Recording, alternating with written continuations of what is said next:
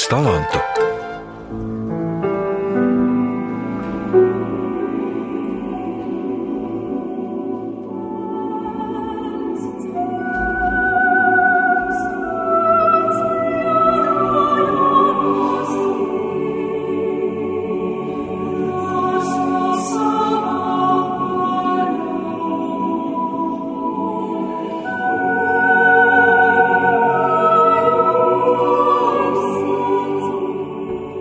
Iesākt raidījumu par radiokoru māksliniecisko vadītāju un galveno diriģentu Sigvārdu Kļavu izvēlos Raimonda Paula dziesmu Bērns un Liepa, kas atskaņota ciklā Vakara sarunas Svētā Jāņa baznīcā. Tas ir tikai viens no diriģenta izlolotiem un īstenotiem radiokoru muzikāliem cikliem, papildinot Latvijas koncertu dzīvi. Šķiet, muzikālās ieceres bagātīgi plūst no Sigvārda Kļavas krātuves.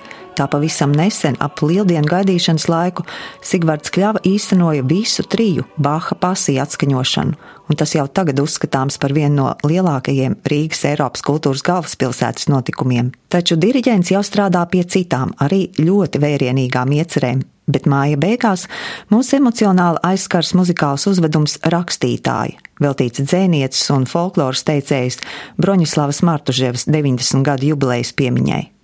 Šajā reizē mēģināsim saprast, kas urda Sigvardu kļavu, ko sev būtisku atklāja, dodoties ekspedīcijās pa Latviju.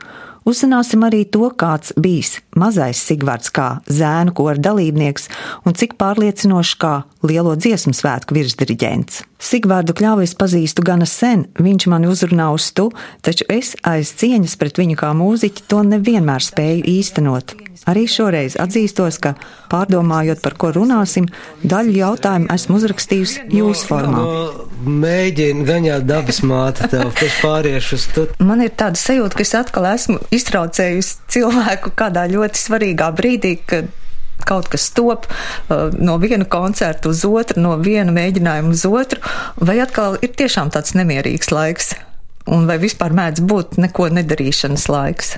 Un tā, kad cilvēks skrien, man liekas, tas jau nebūtu nenozīmē, ka kaut kas jēgpilni tiek darīts, bet, ja nopietni runā, tad šis brīdis ir, nu, teiksim, tā gan radošā ziņā, gan arī tad laika piepildījuma ziņā ļoti straušs, un man liekas, vispār pašlaik notiek tā kā tāda pātrināta laika sajūta, kad mēs ģenerējam daudz un ļoti interesantu lietu ļoti kompaktā laika sprīdī. Tik daudz viss kaut kas interesants un tik daudz dažādi nepieredzēti piedāvājumi un izaicinājumi, ka tas piespiež arī vienlaicīgi domāt un auklēties ar, ar daudzām jaukām lietām. Un tad, lai katrs no šiem garbēniem saņemt pietiekami daudz mīlestības un, un uzmanības. Brīžam sanāk to fizisko laiku saīsināt, jo taču var ātrāk aiziet no punkta A uz punktu B un ātrāk var paēst un, un mazāk var pagulēt. Man atkal šķiet, ka ļoti dažādi ir tie darbi, pie kuriem tu, Sigvards, strādā, jo Tikko izskanēja Baha pasīs, kas man likās bija ļoti vērienīgs, tik garīgi būtisks tas bija, vai atkal kaut kas pavisam tāds viegls, kā man gribas domāt, mīlas valši vai uh, jaunākās um, tendences skora mūzikā, kā varbūt tenso dienās tiek par to runāts, vai arī salīdzini šo dažādību un vai tas ir apzināti meklēts, lai būtu pēc iespējas dažādi? Tad tā apzinīgā plānošana, viņa noteikti ir um, vērsta ne jau kaut kāds sava iekšējā komforta apmierināšanai, bet noteikti tas ir uh, diktēts no mūsu klausītāja, no mūsu auditorijas. Bez nekādas ākstīšanās var apliecināt, ka uz doto brīdi Latvijas muzikālā auditorija ir uh, viena no kvalitatīvākajam un, un prasīgākajam un arī saprotošākajam, kādu es beidzamā laikā esmu sastaps jebkur citur pasaulē. Tā kā mūsu auditorijai droši var piedāvāt ļoti ļoti dziļas un drosmīgas idejas. Tas nenozīmē, ka es esmu iecentrējies kaut kādā tādā elitārā vai kaut kādā tādā noteiktā trajektorijā. Tas drīzāk nozīmē, ka mēs šo radošo dialogu varam ļoti, ļoti veidot plašu un arī žanra robežas droši izplest un arī skatuves vai vides vai telpas piedāvāt dažne dažādas, nebaidoties no ieciklota formāta. Es domāju, ka tas ir pierādījums tam, ko tu tikko saki, arī tādi projekti kā Imants un Ziedonis, gan arī koncertu uzvedums rakstītāju veidošana. Broņislavu Martuževu pieminot 90. Eh, jubilejas gadā, ka tas noteikti nebūs tāds elitārs, eh, augstprātīgs, gluži pretēji, vai es pareizi domāju, kā jūs brīžām, veidojat? Brīžām ir tā, ka jo ir vienkāršāka un kailāka un skaidrāka māksla, vienalga vai tā ir muzika vai dzēja, lai viņi pasniegtu pamatīgi, dziļi un pārdzīvot, tas nav nemazam tik vienkāršs darbiņš, vairāk kā gadu es esmu iekodies Roņislavas Martaževas nu, dzīves stāstā un Dairadas rakstā, par ko es nebeidzu bijības priekšā klanīties viņas mm, radošam stāvam. Līdz ar to es redzu, cik ārkārtīgi brīžam ir grūti pieskarties tādai patiesībai vai tādai atklāsmei, kura ir nākusi bez kaut kāda speciāla vai samākslota, nu, teiksim, tāda inteliģences filtra vai, vai kaut kādas lielas filozofisku atziņu filtra, nu, kas dzējai ļoti palīdz brīžam vai vispār palīdz eksponēt tādas lielas domas, bet brīžam ir tāda sajūta, ka aiz tiem dažiem vārdiem un aiz šīm dažām patiesībām un aiz šīm dažām sajūtām stāv kaut kāds ārkārtīgi būtisks vēstījums, kas ir tā kā nolīs no kaut kurienes zīmes, un parasti tās es viņas redzu kā ļoti, ļoti tīras mantas, un bieži ir tā, ka aiz tādām ļoti skaidrām un tīrām lietām tu nevari pats paslēpties, tu nevari iesprāgties vēl ar kaut kādu savu lielo es un ar savu sāpi, jo tu faktiski esi bezspēcīgs tā tīruma priekšā. Tāpēc, jo vairāk es mēģinu pieskarties vai tuvoties šim Broņislavas Martuževs, gan radošajam, gan ārprātīgajam dzīves stāstam, es kļūstu arvien padevīgāks viņas lielumu priekšā.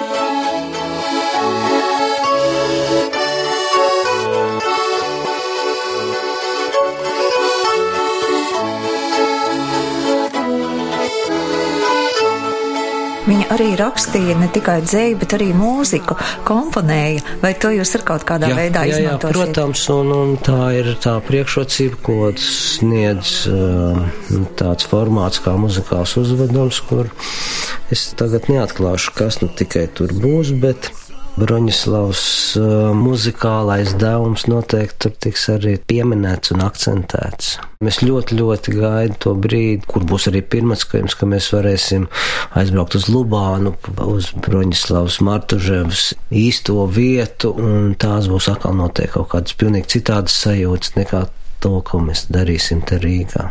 Tev bija iespēja arī Broņislavu satikt, vai nebija man tā iespēja, un tāpēc man Broņislava ir, es viņas bildi veidoju no tādām iedomu un sapņu lauskām.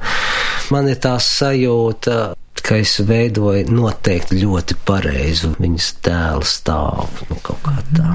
Vai šeit var vilkt kaut kādas paralēlas ar to koncertu uzvedumu, kas bija Litānija, izmantojot māju dziedājumus? Nē, nē, nē, nē, tā ir tā lieta, no kā es parasti vislabāk baidos, jo katrs kaut kāds tāds starpžanra vai, nu, kā tas sauc pa projektu, ka viņš eh, nes līdz kaut kādas analoģijas arī kaut kādām citām lietām. Es no tā protams, nevar atkratīties nekādīgi, bet katrā ziņā nekādas paralēlas un nekāda iespaidi veidojot šo uzvedumu es neesmu pie sevis ievērojis, gluži vairāk es cenšos atbrīvoties no lieka tāda fona, kaut kāda lieka slāņa, kas, manuprāt, traucētu parādīt taisni šo skaidro un dzidro kas ir ļoti būtisks šajā dzējā. Bet kā Sigvārda kļavas aizrautību, idejas, dažkārt ļoti grūtās koncertu programmas, biežos ārzemju braucienus uztver koristi? Radio kora ilgadējā dziedātāja Ieva Ezrieta man palīdz labāk saprast, kāds galvenais diriģents ir attiecībā pret viņiem, dziedātājiem. Ar Ievu tiekos uzreiz pēc mēģinājuma, tāpēc jautāju, vai vispār diriģentam Sigvardam Kļavam var pasūdzēties par to, ka ir par daudz, par smagu, par grūtu? Ne, nu, principā var pasūdzēties. Tā nav, ka nevar pasūdzēties. Viņš mums nu, bieži vien ļoti labi saprot, pats saplāno darbu, zinot, ka būs ļoti liels lodzi, tīpaši jau nabaga pirmajiem saprāniem un tā. Un, nu, ka jūt, ka mēs jau mums paliek garas acis, tad viņš atļauj tā kā uz puslodzīti, teiksim, padziedāt un tā. Bet, nu, lielos vilcienos, nu, nu tomēr ir, ir jātur. Es esmu bieži bijusi klāt mēģinājumā, kad jūs uh, gatavojat kādu jaunu programmu. Šķiet, viņš tāds tomēr savaldīgs. Nu, godīgi sakot, viņš nekad nav zaudējis savaldīšanos. Tādu reizi es neatceros savos simts gados tiešām tipiski ir tas, ka ko līdz diriģents nu, nolaiž rokas, tā uzreiz sāk kaut ko čabināt un runāt, it kā jau par lietu, vai ne? Mēs tur to nenodziedam, vai tu to dziedās, vai tā un tā. Piktojās, ka vajag viņu pagaidīt, ka viņš pateiks savu sakāmo, un tad mēs varam apspriest. Bet nu, tas ir vienīgais, ko viņš varbūt tā papiktojas. Bet ir tāds, viņš tā kā skolotājs vai kā tēvs vai kā cilvēks, kas par jums visiem atbildīgs. Korī dziedot jau visu laiku tādu sajūtu, ka tu esi skolotāja priekšā un, un, un no klases neesi izgājis kopš, kopš pamatskolas laikiem. Un tas, ka viņš par mums gādā, tas arī tiesa. Nu, kaut vai atceroties tos, nu, labi, nu jau tagad kādus gadus, piecus vai vairāk, septiņus atpakaļ, visas tās likvidēšanas lietas un tā. Nu, ja viņš par mums negādātu, tad viņš necīnītos kā lauva un neiet mūsu visās malās aizstāvēt. Ne jau viņš par sevi tikai cīnījās, viņš tiešām par mums cīnījās, jo es domāju, ka viņš negulēt, ja zinātu, ka mēs esam darbu zaudējuši. Un, un ka viņš nebūtu viss simtprocentīgi darījis. Un... Pajautāšu par to muzikālo pusi un par tām programmām, cik daudzveidīgas tās ir, un Sigvards arī lolo, dažas šķiet ir īpaši izsāpētas, izdzīvotas. Nu, patiesībā jau mēs dzīvojam no viena. Nu, kā tagad saka, projektu uz otru vai no viena koncerta uz otru. Nu, lielākos vilcienos no viena cikla uz otru ciklu. Un mēs jau redzam, kur atkal Sigvards kaut kur ir iegājis dziļāk un vai sevi iegājis un tā, ar ko viņš nodarbojās. Viņš sākumā varbūt nestāst, ka viņš tagad brauc pa, pa laukiem un meklē babiņas un klausās visus dziedājumus un tā. Tā tikai nāk viss tā atklāsme, ka nu tagad mēs esam nonākuši pie tādas un tādas programmas un ka komponisti ir uzrunāti. No jā, kaut kādus gadus atpakaļ, kad bija mums tās vakar sarunas baznīcā, tad tas jau nebija ne, ne gada pat jautājums, vairāk gadu jautājums. Tas bija, kad šīs trešdienas bija un, un ka mēs cēlām priekšā šīs skaistās programmas. Tā kā Sigvards jau ir nu, veicinājuši muzikālās dzīves attīstību un kora dzīves attīstību nu, milzīgi plašā tādā dimensijā, ne tikai domājot par mums, bet par komponistiem, par klausītājiem. Mēs tiešām ļoti daudz braucam uz laukiem, un tas ir vajadzīgs. Un, un var redzēt, ka Sigvardam tā ir vis tā pirmā un galvenā rūpe, ne tikai nu, braukt pārzemēm. Tā, tā ir pilnīgi cita lieta. Jā. Vai Sigvards arī par savām meitām kaut ko stāsta? Nu, kādreiz vecos laikos viņš bija tāds varbūt aktīvāks uz ballīšu rīkošanu. Nu, kad mēs tā teikt bijām jauni, ja? tad bija tās mājas balles, un tur bija visādas, viņš vārīja plovus un visu kaut ko un tā. Nu, tagad varbūt ir drusciņi pieklusis. Nu, meitas jau arī liels paaugušās. Nu, viena prom Norvēģijā un, un vidējā arī ar, ar, ar bērniņu ir un tā. Un mazā Martiņa, nu, šo, tad ar to viņš piemin. Jā, bet, nu, viņš tāds, man liekas, vairāk uz māju, uz iekšpusi ir vērsts. Tā kā vairāk ģimeniskāks, vairs tik ļoti varbūt neskrien apkārt un neaicina uz māju. Nu, grib arī atpūsties droši vien. Nu, tā dzīve jau ir tik ļoti tāda saspringta, ka varbūt nevienmēr gribās jau vairs daudzīties apkārt un aicināt tik daudz cilvēkus.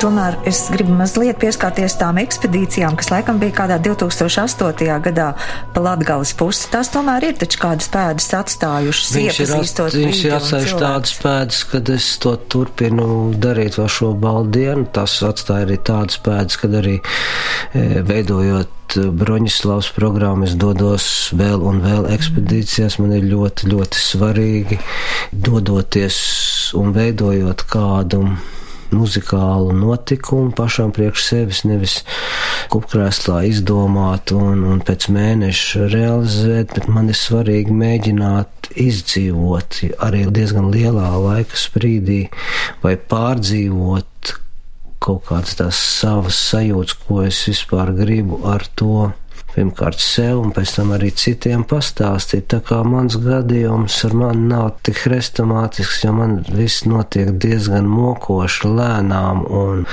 es ļoti ilgi šaubos, un tāpēc man iespējams ir brīžam jādodās kaut kur vai jābēg kaut kur, lai saņemtu kādu ļoti būtisku impulsu kaut kādam būtiskam atrisinājumam. Un paldies Dievam, ka dodās un meklē, paldies Dievam tā atbilde agrāk vai vēlāk atnāk, un, un, tas kaut kādā veidā piepilda un liek piefiksēt to, ka tā ir viena no būtiskām lietām, ka tā skriešana, ar ko mm -hmm. mēs sākām, viņa var sevi atpelnīt tikai līdz zināmai robežai, un tad, atcīmredzot, kad ieskrien sienā, tad vajag doties lēnām uz kādu pavisam citu un ļoti daudz būtiskāku punktu. Jo, jo ekspedīcija nav turisma pārgājiens, nu, manā gadījumā tā ir jau dzīves tāda viena liela sastāvdaļa, kas ļoti nosaka manu radošo enerģiju. Radoša enerģija droši vien nosaka arī kaut kādas dzimtas saknes un tas, kas tiek pārmantots, vai arī Sigvārd tavā gadījumā var runāt par stipru dzimtu, par cilvēkiem, kas ir paudzējis pirms tevis. Es domāju, noteikti. Un es nezinu, ko sauc stipru vai, vai nestipru, bet tas, ka caur un caur visi man dzimtas locekļi ir, ir dziļi sakņojušies kultūrālās tradīcijās, teiksim tā, un arī skoloti. Tas ir neapšaubāms iegūms un arī neapšaubām privilēģija tāda, kad es uzaugu caur un caur muzikālā vidē. Es kopš bērnu kājas esmu dzīvojis starp orķestrantiem un bērnu dārza vietām un bija simfoniska orķestra mēģinājumi, un tas dzīves izvēles ceļš jau nebija nekāds. Nav jau tā kā tagad jālauz bērns un uz kurien doties, jo, jo es jau nu ļoti labi zinu, cik sāli ir pašlaik muziķa karjera, lai es tagad novēlētu to uzreiz tik vienkārši saviem bērniem. Bet manā gadījumā tas tā nebija. Jo bija vienīgi viens jautājums, nu, kādā specializācijā to darīt. Un pat cik man tik ļoti, ļoti riebās spēlēt klavierus, tad, tad, tad mans dzimtas gaišākie prāti izdomāja, ka man jāiet. Tomēr zēnu, ko arī dziedāt, un tad tālāk, jo tas viss mm -hmm. ritinājās ļoti loģiski. Te vietā tikties ar diriģentu Jānu Erenštreitu, kas vadīs Emīlu Dārziņu zēnu kori un daudzus gadus vēlāk Sigvārdu aicinājis par pedagogu Rīgas domu korskolā. Putniņš Kaspars nāk te attiecībā, tad Sigvards viņu var komandēt, viņš vecāks. Puķjāgas, nu tāda ir tā. Pētām sarakstu, kurā fiksēti visi zēni, kas beiguši Emīlu Dārziņu speciālo mūzikas vidusskolu, un Sigvards Kļau šajā sarakstā ir 64. ar skolas beigšanas gadu 1981. Tad droši vien šajā te vecumā, kad jūs viņu iepazināt, tur bija pavisam cits Sigvards. Nu, nevarētu tā teikt, ka man būtu palicies atmiņā kā tāds liels jogdars, bet nu, katrā ziņā patīkams zēns un kaut kā tādas problēmas situācijas ar viņu vienkārši nevaru minēt, jo tādas nav bijušas. Un man liekas, tas ir ļoti, ļoti svarīgi, ka katram puikam, ne tikai puikam, bet ka ir stabila ģimene. Es domāju, ka ļoti liela nozīme ir skolai un ģimenei ja kopā tā var labi sadarboties. Nu, mūsu gadījumā ar Sigvardu, nu, jā, mēs redzam, ka viņš ir kā beidz dārziņu skolu kā 64. diriģents 81. gadā. Es domāju, ka tieši mamma, varbūt, kurai ir ārkārtīgi liela pieredze darbā simfoniskajā orķestrī, kā izcila altiste. Un tēvs atkal vispusīgs pianists. Manā laikā, kad es studēju, viņš vēl strādāja konservatorijā pa koncertmeistaru. Zinu, ka viņš ir nepārspējams džēzmenis. Es domāju, ka tādā vidē viņš diezgan daudz kaut ko sevī bija ieņēmis. Jo būtībā atkal tā, ja nu, mēs vēl skatāmies bez ģimenes skolu, tad nu, tā dārziņa skola būtībā nu, bija arī tāda laimes saliņa, kur grūti bija nepaņemt līdzi teiksim, no solfeģa, no teorijas stundām, no mūzikas, literatūras stundām, pilnīgi no visām stundām jo tomēr pasniedzēji bija ļoti prasīgi un augsta līmeņa. Un es domāju, tad iestājoties konservatorijā, nekāda arī 64. pēc skaita dārziņietim nebija, es domāju, nekādas problēmas. Es ar to gribu sacīt, ka viņš varēja vērt vaļā savā jaunradē kādu jaunu lapspusīti, jo viņš tam vienkārši bija sagatavots.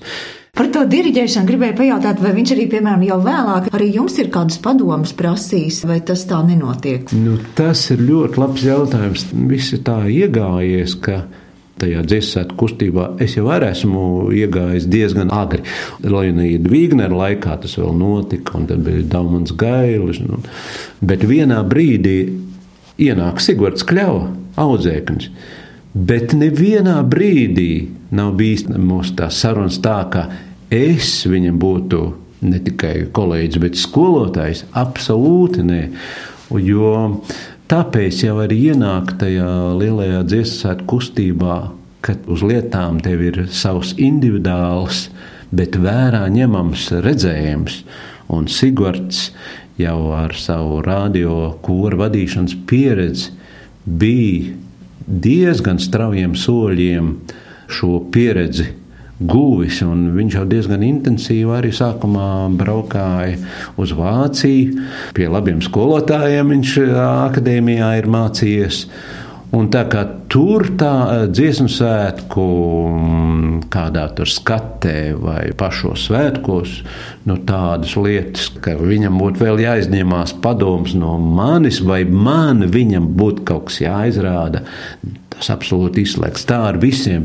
Tā. No tās daudzveidīgās radiokoru programmas un tieši to, ko varbūt Sigvards ir devis, vai jums arī ir paliekošas atmiņas par kādu no projektiem, par kādu no Sigvarda veidotiem? Nu, kopumā es varu sacīt tikai ka viņš ir pratis ar savām programmām panākt to, ka, man liekas, radiokorim ir ļoti stabila auditorija. Tur vienmēr problēmas ar iekšā tikšanu uz viņu koncertiem.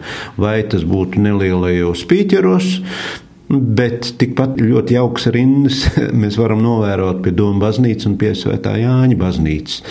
Bet eh, viens darbs man palicis ļoti atmiņā. Es par to biju viņu gatavs virzīt nominācijai, bet man nebija tādas virs. Tas bija Mocarts, viena Mocarta mesa ar kamerorķistra simfoneta, ko viņi izpildīja pirms, man liekas, no jau diviem, ja ne trim gadiem Svētā Jāņa baznīcā. Es vēl ar ziedoni, tā bija ļoti emocionāla uzlādēta programma, tāda piepildīta līdz pēdējiem. Dažkārt, ja man ir atļauts kaut ko arī tā pasakīt, dažkārt man tā kā liekas, ka ilgstoši iet tādā meditatīvā, pārāk izplūduši garā, un to no otras puses varētu teikt par tādu stilu izturētību, bet um, man drusku tā kā dažkārt tas liekas pa daudz ka tas pārsātināti, tā meditīvā daļa. Bet ir labi tas, ka, ka tās radio kora programmas ļoti bieži mainās, un, un tad atkal nākošā reize ir pavisam kaut kādi tādi spirti un tvirti jaundarbi, kur vispār jābrīnās, kādas ir tās cilvēku spējas mūsdienās. Sigvards ir izveidojis tādu kora instrumentu. Vienkārši neuzkrītoši, ja tā varētu teikt, vada. Īpaši spīķeros, tur tā labi. Tās noskaņas arī tā veidojās, un tā zālīte tiek labi piepildīta ar labu skanējumu. Vai tev tevi noķer apvienītis Dievs un ierauj zaļā paradīze iekšā. Lai tevi vēl nišķīgā parauj Dievs par to, ka rādies, ka rādies manu sapņu priekšā. Ai! Par tām klavierēm man ļoti spilgtā, nu tik spilgtā atmiņā ir muzikālā izrāde Vācietis klavieru koncerts, kas man uzjūndīja kaut kādas jaunas sajūtas, kādas atmiņas ar to saistās, un tas jau pavisam nesen tika arī atkārtots. Man toreiz šķita, ka tās klavieres tur ir tik būtiskas. Nu, tas jau ir tas jautājums, kas tā, nu, tā kā nedaudz pirms tam arī te, te bakstīja, kad salīdzināt ar desmit gadu starpību divus it kā mhm. vienādus mm -hmm. koncertus vienkārši nevar, jo mēs paši savādāk gan spēlējam klavierus un dziedam un paši pilnīgi savādāk lasām vienu to pašu vāciešu dzējoli. Un es ceru, ka pēc desmit gadiem mēs atkal liksim savādākus akcentus un atkal savādāk kārtosim klavierus. Tā kā no nu, vāciešu gadījums ir tikai saistāms ar tādu ļoti, ļoti augstas kvalitātes māksliniecisku brīnumu, kas nekad nav izsmeļams. Par dzimtu turpinot vēl sarunu, es nezinu, kā bija tagad, bet toreiz bija programmiņā gan Sigvards Kļava, gan Dace Kļava, gan Juris. Juris Kļava. Tā, tā, jā, man tēvs ir pianists un, un, un dzīves biedra ir pianiste, un, un es neredzu ne mazāko iemeslu, kāpēc šo privilēģiju neizmantot. Bet man liekas, lai es izvēlētos nu, radinieku vai dzimtas locekli, tam ir jābūt ārkārtīgi spēcīgai motivācijai, jo, jo tiešām ir daudz, daudz vairāk iemesls, kāpēc to nedarīt. Un, ja jau reizes izvēlos to darīt, man ir tiešām pārliecība, ka tā ir mākslinieciski nepieciešama motivēta lieta.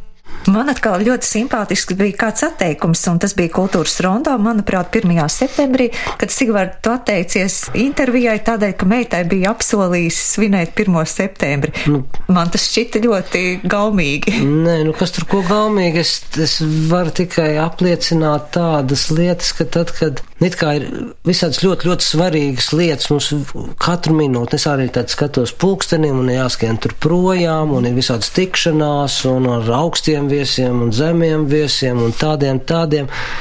Bet, kad mazais cirnaks pienāks tev klāt, viņš pateiks, kad viņš piekakāja bikses, nu tev visas lielās tikšanās un visas lielie plāni nevis sabruks, bet viņas šķitīs pilnīgi mazsvarīgi. Nu, Jo tā ir tā burvīgākā lieta, kā jēga un tas mazais pieskāriens tam mazām cilvēciņām vienalga, tie ir tie retie brīži, kad mēs varam būt kaut kā viens otram tik ļoti tuvu un vajadzīgi. Es neredzu iemeslu, kāpēc neatcelt kaut kādas mazsvarīgas lietas. Un tomēr par to pašu svarīgo, kā izvēlēties un kā sev spraust ar vienu tādus sarežģītākus, varbūt uzdevumus. Es pamanīju Pasaules Expo 2015 Sigvards Kļava būs mākslinieckais vadītājs. Vai tas ir tā kā tāds jauns izaicinājums? Tāds? Ļoti interesants darbs. Tā ir lieta lieta, viena no retām lietām, ko mēs arī piekrītu ārpus kaut kādam jau tā ārkārtīgi lielajam kalendāram, bet tas noteikti ciešā mērā saistīts ar visu to, ko es daru un kas man ļoti patīk. Nu, tad, tad varbūt tas nosaukums skan pārāk lepni, es, es drīzāk domāju par visu šī Latvijas paviljonu muzikālo ietērpu un to ietērpu, ar ko Latvijas paviljons izcelsies uz citu pasaules paviljonu fonu. Tā būs iespēja vai mēģinājums parādīt, ar ko mēs esam sevišķi salīdzinot ar jebkuru citu pasaules valsti. Tas būs mēģinājums nenokautrēties no tā, ko mēs darām, un tas būs mēģinājums veidot kaut kādu ļoti būtisku vismaz manā dzīvē, vispirms neierastu dialogu formu starp video un apmeklētāju. Nu, katrā ziņā pašlaik notiek ļoti radošs darbs un radošā komanda ir kolosāla. Tā. Nu, tātad tas uh, Latvijas paviljons, es pieļauju, skanēs kā tāda liela kora mūzika. Nu, tā ir tā, tā ir tā tava nelaime, ka tu mani redz tikai kā liela kora un lielu masu un, un, un muzikālu vai, vai, vai nemuzikālu skaniska efekta radītāji, bet eh, es līdz pēdējām turēšos un es neatklāšu, kas tur būs. Es vienīgais, ko es varu pateikt, nu, mēs plānojam izdarīt to, ko vēl nekad eh, neviens nav nedzirdējis, neredzējis, nedarījis. Tik vien es uzzinu par iespējams vērienīgāko Sigvārda Kļavas ieceri, kļūstot par Latvijas ekspozīcijas māksliniecisko vadītāju starptautiskajai izstādē Expo 2015. Taču vai mazāk svarīga un ar mazāku atdevu veidota radio kora koncerta programma, kas izskan tepat Rīgā, Valkā, Reizeknē vai citviet? Diezin vai. Un nevelti arī mēs, šī raidījuma veidotāji Jānis Raitums un Laima Slava, esam starp radio kora ko nu jau 20 gadus vada Sigvards Kļava, klausītājiem. Viena Rīga, daudz talantu.